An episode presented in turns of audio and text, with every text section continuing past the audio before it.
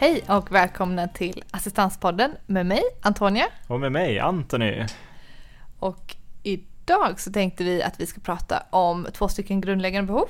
Mm. Kommunikation och ingående kunskap är ja. ämnet för dagen. Spännande ämne, svåra ämnen Mycket kan man väl svår. summera det som. Ja precis, vi säger det redan innan vi, vi dratt igång men Alltså vi, kan säga, vi har ju pratat lite om just grundläggande behov tidigare. Mm. Vi har mm. pratat om, jag tror det var avsnitt två kanske, så börjar vi gå in på de här fem grundläggande behoven. Precis, så är man intresserad kan man ju gå in och lyssna även där för att få lite mer bakgrund så. Precis, och där, men där så pratar vi då ganska kort om varje, skulle jag säga då, var ganska kort om varje mm. behov. Men här ska vi prata mycket istället om just kommunikation och ingående kunskap. Just för att de är två väldigt komplicerade och ganska så abstrakta behov skulle jag vilja säga. Mm. Det är inte så som personlig hygien när man handgriplig hjälp med dusch. Det är tydligt vad som är liksom hjälpen. Vad är hjälpbehovet? Men vad är egentligen kommunikation för någonting? Vi börjar ja. där. Precis, och vi kan väl nämna det att man, man, man pratar ofta om de här nästan lite som att de är synonyma och det är ju för att det finns ofta ett, ett samband mellan ingående kunskaper och kommunikation då vid de här bedömningarna. Precis, men vi väljer att, att här då ganska tydligt försöka avgränsa. Mm. Så pr först pratar vi om kommunikation och sen så kommer vi in på ingående kunskap och så försöker vi se, prata lite gränsdragningar, ganska mycket problematik och olika bedömningar som görs just gällande de här behoven. Precis. Men vad är då kommunikation? Vi börjar där. Eh, tittar vi på LSS, alltså 9a-paragrafen, så kan man då få personlig assistans för om man behöver hjälp med att kommunicera med andra. Mm. Och det är också så som står i propositionen. Eh, att det är just att om man behöver hjälp med att kommunicera med andra så ska man få det, alltså personlig assistans för det som ett, ett grundläggande behov. Men sen så står det faktiskt inte så mycket mer i just propositionen. Nej, precis. Man har från lagstiftarens sida hållit det ja, väldigt kortfattat och, och, allmänt så. Jag tror att grundtanken var nog att det var ganska självklart att ja, men kommunikation är ett så, ett så grundläggande behov om man uttrycker det så. Att det är ett av de grundläggande behoven även för assistansbedömningen då. Men det har ju definierats med åren och framförallt är det Högsta förvaltningsdomstolen här som har dragit den yttersta gränsen för vad som är ett grundläggande behov att kommunicera med andra och vad som inte är det. Högsta förvaltningsdomstolen började då med att definiera begreppet kommunicera med andra såsom att kunna skapa och upprätthålla sociala kontakter. Och i det fallet så tittar man sen på, man, konstaterar egentligen att tre kriterier var uppfyllda här. Man sa att det måste krävas kunskap då om den enskilde, funktionsnedsättningen och om kommunikationssättet. Eller i vart fall var det så att man sa att de tre kriterierna var uppfyllda i det här fallet och då måste det ju såklart vara ett grundläggande behov av kommunikation som den enskilde hade då. Och det kan man ju då se att det har vuxit fram att blir de tre alltså minsta kraven för att kunna beviljas mm. tid för kommunikation. Att, att det ska framgå då att, att det krävs kunskap om den enskilde, om personens funktionshinder och personens kommunikationssätt. Men sen så kan man säga att det har tillkommit flera kriterier för att man ska beviljas tid för kommunikation i praktiken. Ja, precis. Eh, Högsta förvaltningsdomstolen uttalar sig ju i ett mål kring taktil kommunikation här också. Delvis cementerade man ju där att alltså man, man, man, man styrkte helt enkelt förståelsen att, att det är de här tre, tre kriterierna som måste vara uppfyllda då. Men sen säger man också att det får inte avse enbart tolkhjälp. Hur man nu ska förstå det. Men det är alltså inte tillräckligt i sig för att det ska vara en fråga om ett grundläggande behov av att kommunicera. Men det som också kan se att från den senaste domen från Högsta förvaltningsdomstolen då från 2018, det är att de la till ett ytterligare lite kriterie i de, bland de här tre. Det är att just det ska krävas särskild kunskap om personen. Mm. Från början då för 2010 så sa det att det skulle krävas kunskap. Men nu då skulle det också krävas särskild kunskap. Mm. Och för en, för en person som inte håller på med juridik så låter det som att det nog är samma sak. Men men för tolkningen som Försäkringskassan eller kommunen ska göra då så innebär det faktiskt att man har skjutit upp gränsen lite ytterligare. Att det, det krävs lite mer nu om man säger att det krävs särskild kunskap än om man säger att det bara krävs kunskap. Så det, det, är eh, problematiskt vid mm. bedömningen kan man ju säga. Men om vi tittar på Försäkringskassans definition då, som de har i vägledningen, då ställer de upp ett antal kriterier. Där säger de bland annat att kommunikation som ett grundläggande behov innebär då att det krävs en person, alltså en ytterligare person, och, i exemplet tänker man assistenten då, som närvarar hos den som har funktionsnedsättningen för att den personen överhuvudtaget ska kunna kommunicera. Precis, och det, den, det kan man säga, det har ju egentligen Försäkringskassan själva lagt in som ett eget kriterium. Det har inte riktigt fått fastnat så i i praxis skulle jag vilja säga, i alla fall mm. inte från Högsta förvaltningsdomstolen. Så de menar på att just de här tre kraven som, som krävs, just kunskap om den enskilde, kommunikationssätt och funktionshinder. Mm. Eh, det framgår inte riktigt att det ska vara att det ska krävas en ytterligare person för att kommunikation överhuvudtaget ska vara möjligt. Mm. Eh, utan det som har pratat om att, att det är just att det behövs en, en person för att man ska kunna tolka och, och liksom förmedla information till den enskilde och för att man ska kunna upprätthålla och skapa sociala kontakter helt enkelt. Mm. Men det som Försäkringskassan tidigare också sagt det är just att det skulle krävas ingående kunskaper för att tid för kommunikation skulle beviljas. Så det var ju ganska länge som, som, som Försäkringskassan gick på den linjen att för att man ska få tid för kommunikation ska det också krävas att man har ingående kunskaper. När det egentligen är ett helt eget behov så det blir lite märkligt att man liksom blandar in det i just behovet kommunikation. Och nu precis. blir det ganska komplext kanske. Men, ja, men, precis. Men man kunde utläsa det i många beslut från Försäkringskassan och det har också prövats i ett antal fall i, i domstolarna. Men där har väl inte riktigt Försäkringskassan fått gehör för mm. den tolkningen. Och läser man deras vägledning som den ser ut idag så, så, så, framgår inte det som ett direkt krav för kommunikationen utan där särskiljer man ändå på de två. Mm. Men, men det som jag, som jag blir mest, kan man säga, nästan upprörd över det är att mm. Försäkringskassan går på en helt ny, ny linje. Att nu kan det vara så att Ja absolut, Försäkringskassan anser att personer har behov av hjälp med att kommunicera för att och det krävs särskild kunskap om personer, om funktionshinder och kommunikationssätt. Men Försäkringskassan anser ändå att det inte finns något behov av att kommunicera. Mm. För att den enskilde inte tar initiativ till att kommunicera.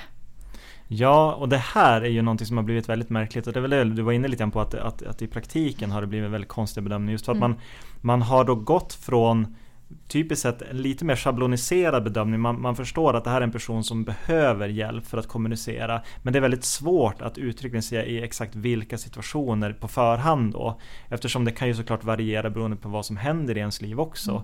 Istället har man nu gått från, från den typen av bedömningar, så som också Högsta förvaltningsdomstolen bedömde det i, i, i fallet där man definierade kommunikation som ett grundläggande behov. Har man istället nu från Försäkringskassans sida valt att börja titta på det som att det krävs specifika situationer som också kan styrkas. Och det är där det blir problematiskt som du beskriver då Antonia, just för personer som kanske inte själva förstår att de har det här behovet eller som inte är intresserade av kommunikation själv i sig då men, men, men som uppenbarligen ändå behöver den här hjälpen. Ja, för jag tycker det blir så märkligt för att om man då säger att men personen kan inte kommunicera, ja, men då behöver man inte heller kommunicera. Det är som att man stänger mm. ute personer med olika funktionsnedsättningar som inte gör att man inte kan prata. Eh, eller kommunicera. Alltså man stänger ut dem från det mm. hela sociala samhället.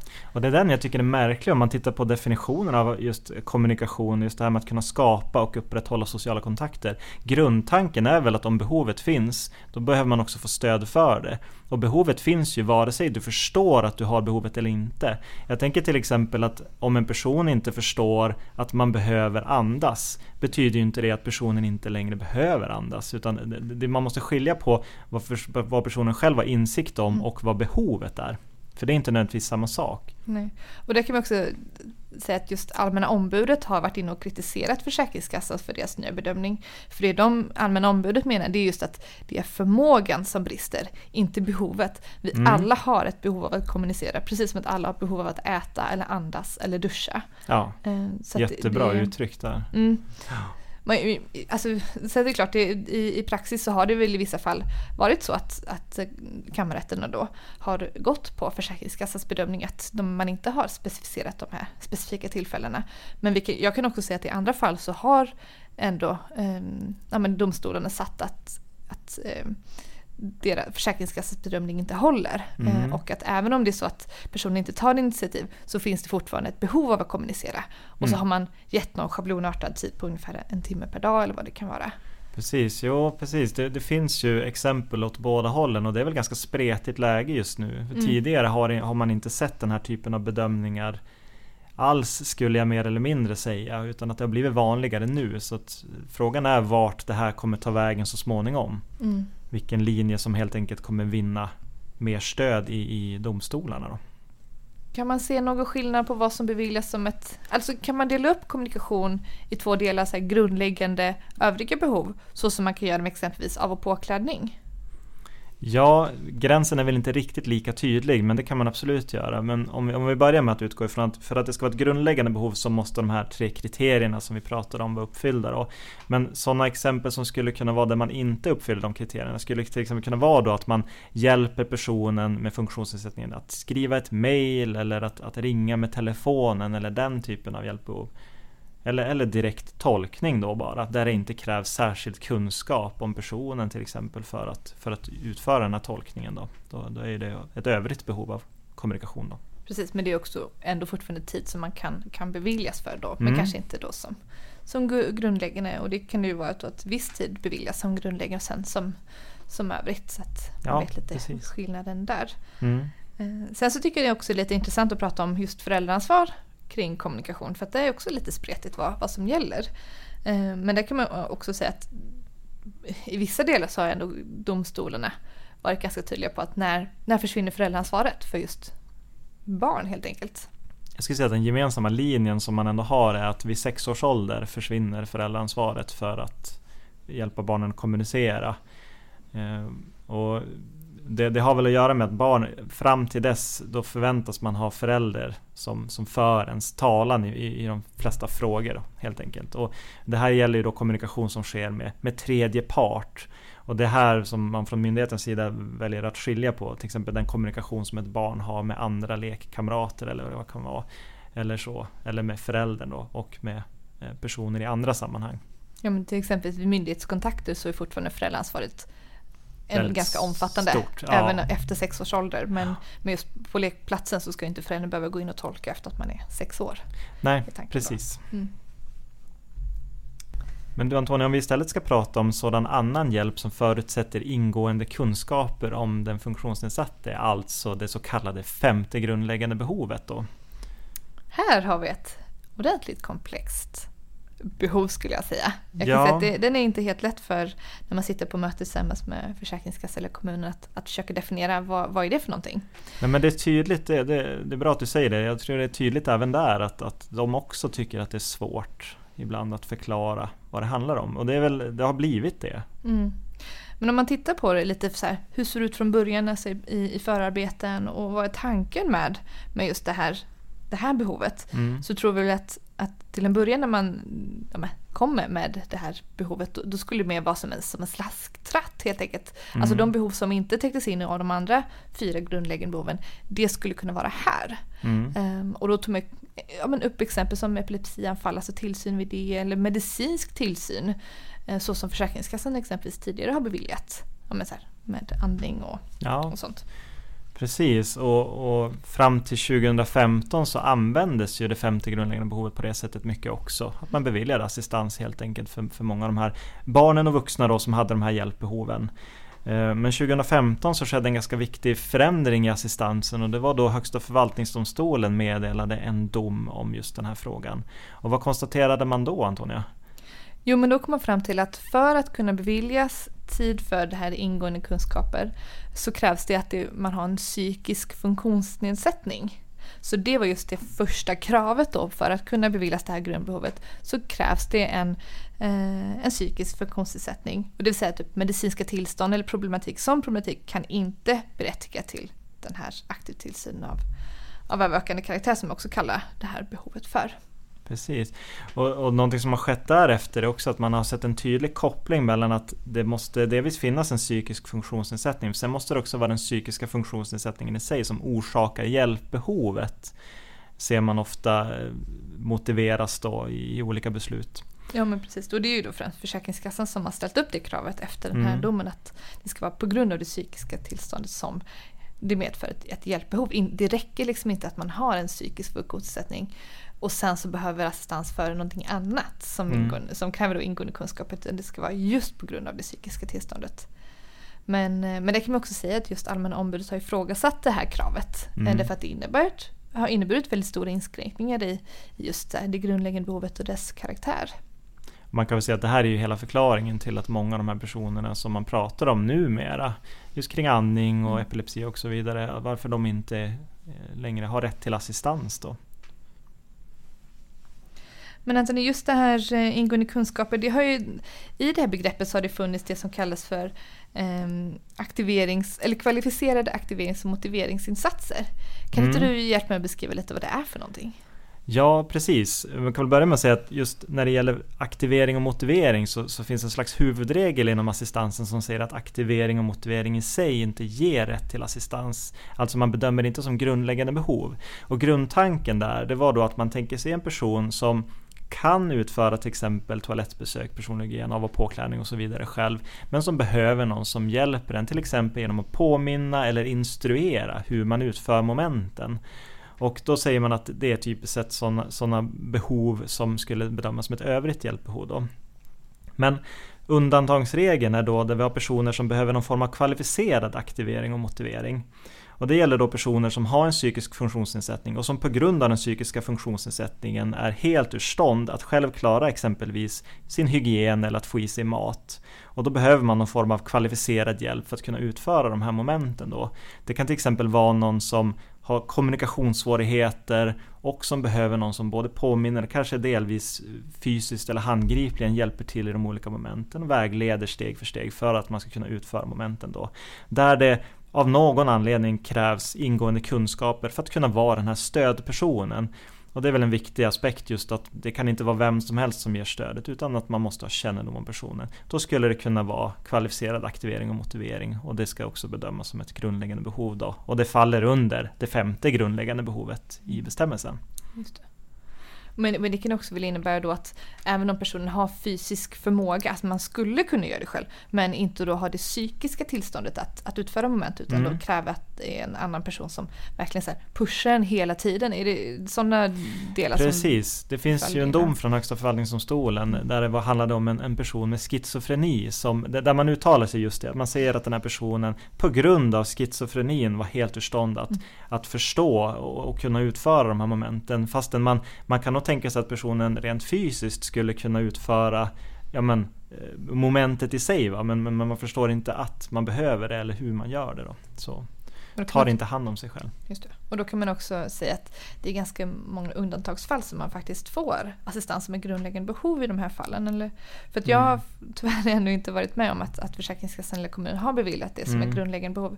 Utan oftast så faller det in som ett, ett övrigt behov om mm. det är så att man har tillräckligt mycket behov av handgriplig hjälp med de andra personliga jag skulle säga att det är nog eh, sällsynt, eller det, det är mm. sällsynt att frågan kommer upp och att folk beviljas assistans som ett grundläggande behov just för det här. Men det mm. förekommer och mm. jag tycker det, man känner av eller man märker utvecklingen, det är ganska tydligt att, att det sker någon form av utslussning av det här grundläggande behovet och det känns som att det successivt blir svårare och svårare att definiera, förstå eller att bevilja tid för mm. och så småningom kommer det nog att försvinna helt ur det femte grundläggande behovet om man inte på något sätt cementerar att det ska finnas kvar. Men jag tycker ändå att det är viktigt att man vet om att det finns och att man ändå lyfter den frågan om man upplever att det här behovet faktiskt finns. Det är jättebra. Men om vi istället då ska titta på den, den del som faktiskt är den större delen av det femte grundläggande behovet numera. Det man kallar för aktiv tillsyn av övervakande karaktär. Ja men precis och då är det första kravet då eh, efter den här högsta förvaltningsdomen.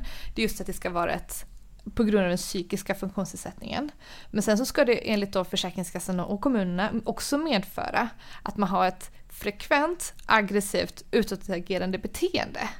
Och att det finns en risk för allvarliga konsekvenser om det är så att man inte har den här aktiva tillsynen. Mm.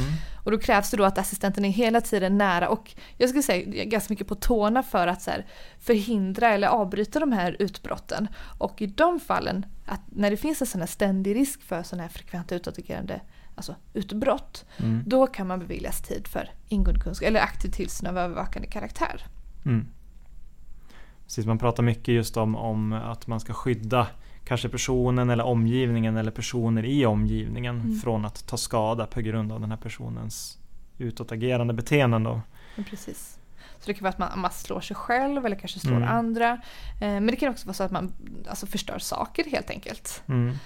Eh, och då ska det då krävas just ingående kunskaper av en assistent för att man ska liksom kunna stoppa det här. Det ska inte vara att det är vem Mm. som helst som kan stoppa utan att det krävs att man, man ska kunna kanske läsa av att så här, nu kommer det här utbrottet ske och, och sådär. Och då kan man få tid för detta. Mm. Jag, jag tänker att det är ju väldigt komplicerat det här egentligen för att det är ju redan av din bra beskrivning här så, så förstår man att det finns många kriterier som måste vara uppfyllda för att det överhuvudtaget ska hamna in i den här bedömningen. Alltså det krävs en psykisk funktionsnedsättning, det krävs ett utåtagerande beteende, det krävs att personen saknar konsekvenstänkande, det krävs någon form av frekvens, alltså hur ofta det här händer, man måste gå in och förhindra personen, man måste finnas i personens närhet Mm. hela tiden. Och, och frågan är ju också såklart var gränserna går. När är det tillräckligt ofta? Mm. Är det tillräckligt farliga situationer som uppstår? Finns det en tydlig koppling till den psykiska funktionsnedsättningen? Och, och det är väl ofta där bedömningarna hamnar. Alltså att kan man verkligen besvara alla de här frågorna? Nej, men konsekvensen är ju att det är stora grupper eller personer som har helt fallit utanför.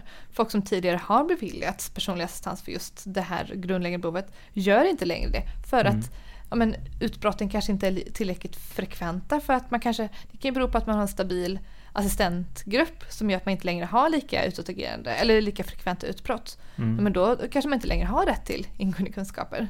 Ja precis, det är ju jättebra exempel du lyfter. Just det där med att, att man, man ser problematiken när man beviljar insatsen. Mm. Men om insatsen fungerar så pass bra att man kan förhindra utbrotten. Mm. Då kan man ju ge sken av att det här behovet inte längre finns och då kan man helt enkelt bli av med insatsen. Mm. Det är ju en jätteond cirkel och, den är ju typisk för aktiv tillsyn av övervakande karaktär också. Där, där det blir så tydlig skillnad mellan ett fungerande stöd och ett icke fungerande stöd. Absolut. Men en intressant del här det är just att, ja, lite som jag nämnde tidigare, att i förarbeten så tog man upp epilepsianfall som exempel som, som skulle kunna vara just där man krävs ingående kunskap för att det kan vara så att det krävs ingående kunskap för att kunna läsa av att nu ser jag att det kommer komma ett epilepsianfall och då kunna ge behovsmedicinering. Ehm, och epilepsianfall har ju då tidigare kunnat beviljas som ingående kunskap men har Mm. försvunnit. Men det som är intressant nu det är ju att, att kammarrätten i Jönköping beviljade eh, tillsyn vid epilepsianfall just under det här grundläggande behovet. Och just i detta nu så prövas det i Högsta förvaltningsdomstolen. Mm. Där, Mm. Så vi väntar ju helt enkelt på att se vad Högsta förvaltningsdomstolen säger om det är så att, att tillsyn på grund av att risk för epilepsianfall, om det skulle kunna innebära att, att man har rätt till aktiv tillsyn av övervakande karaktär. Mm, det kommer ju bli jättespännande att se vad Högsta förvaltningsdomstolen gör för bedömning där. Och det får vi ju säkert anledning att komma tillbaka till här i podden också så småningom. Mm, för jag tänker det är ju tyvärr väldigt många personer som har just, alltså just vid epilepsianfall, det kan ju innebära fatala konsekvenser om det är så att man Mm. inte ja, men, får behovsmedicinering alltså i, i tid. Mm. Eh, att om man skulle tvingas lämnas ensam eh, så finns det ju risk att, att det kan gå riktigt illa. Eh, så därför tänker man att det är viktigt att, att det just, man har, kan få rätt till assistans på grund av de här, eh, den här problematiken.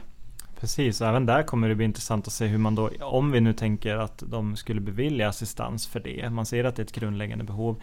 Eh, kommer man då göra någon slags bedömning av hur frekventa de här anfallen ska vara och, och måste det finnas någon typ av risksituation här för att man ska uppfylla de här kriterierna? Eller liksom, kommer man kunna skilja det här åt mot hur man bedömer aktiv tillsyn av övervakande karaktär i andra fall? Jag, jag tänker det ska bli otroligt spännande att se vart det här, vart det här hamnar. Precis. Jag tänker, vi pratade ju lite just kring eh, i kommunikationen, vad, kan man dela upp det som ett så grundläggande övrigt behov?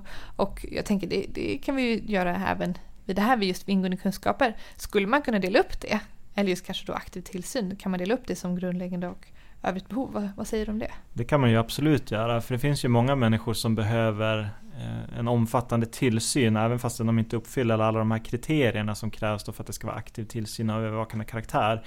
Och du har ju redan varit inne på bra exempel där, men vi tänker till exempel personer som behöver tillsyn på grund av andningsproblematiken där.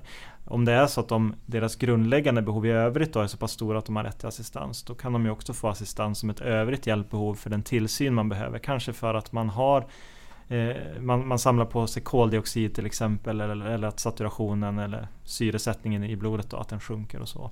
Så att man, eh, man kan absolut få tillsyn som ett övrigt behov. Men det krävs ju då som sagt att man har grundläggande behov nog för att då ha rätt till assistans överlag. Precis som och om man ska göra lite skillnad på alltså, vilken sorts tillsyn det ska vara. Så att just för mm. att det ska vara aktiv tillsyn som då en grundläggande behov så krävs det att man är nära personen hela tiden. Att man inte, kanske inte kan lämna personen i ett, ett annat rum. Eh, men för att beviljas tillsyn som ett övrigt behov enligt praxis och, och enligt kammarrätts domar så kan det vara så att man kan beviljas tillsyn även om man är i ett annat rum men man fortfarande är inom hörhåll. Eh, mm. Så det är just skillnaden på tillsyn att, att man ställer inte upp kraven lika högt men det är fortfarande ganska högt. Liksom, för att kunna Graden av den övervakande karaktären kan vara lite mm. lägre ställda för tillsyn som ett övrigt behov. Ja. Men om vi då ska försöka summera vad vi har pratat om i det här avsnittet. Så om vi börjar med kommunikation så har vi då konstaterat att kommunikation som ett grundläggande behov handlar om att kunna skapa och upprätthålla sociala kontakter. Och det krävs då att tre kriterier ska vara uppfyllda. Och det handlar då om att det måste krävas särskild kunskap om den enskilde, dennes funktionsnedsättning och dennes kommunikationssätt. Då kan det vara kommunikation som ett grundläggande behov då. Tittar vi då på beviljas tid för eh, annan hjälp som förutsätter ingående kunskap om det enskilde så krävs det att det finns en psykisk funktionsnedsättning och att man på grund av den här har ett, ja, men ett, ett allvarligt utåtagerande beteende. Eh, och sen så finns det lite olika extra kriterier för att man ska beviljas det. Man kan också beviljas tid för aktivering och motiveringsinsatser om de är kvalificerade. Mm. Men detta är i, i undantagsfall skulle vi säga. Precis. Ja, men det här var ett, ett omfattande avsnitt som eh, det kan vara så att det uppstår massa frågor. Eh, och om det är så att ni har frågor så får ni gärna kontakta oss. Ni kan mejla oss på assistanspodden humana.se. Ni kan också skriva till oss på Facebook eh, och sök då på Humana personlig assistans. Eller följ oss på Instagram och då söker ni humana.se. Och med det så tackar vi för oss. Tack. Tack, tack. Hej. Hej.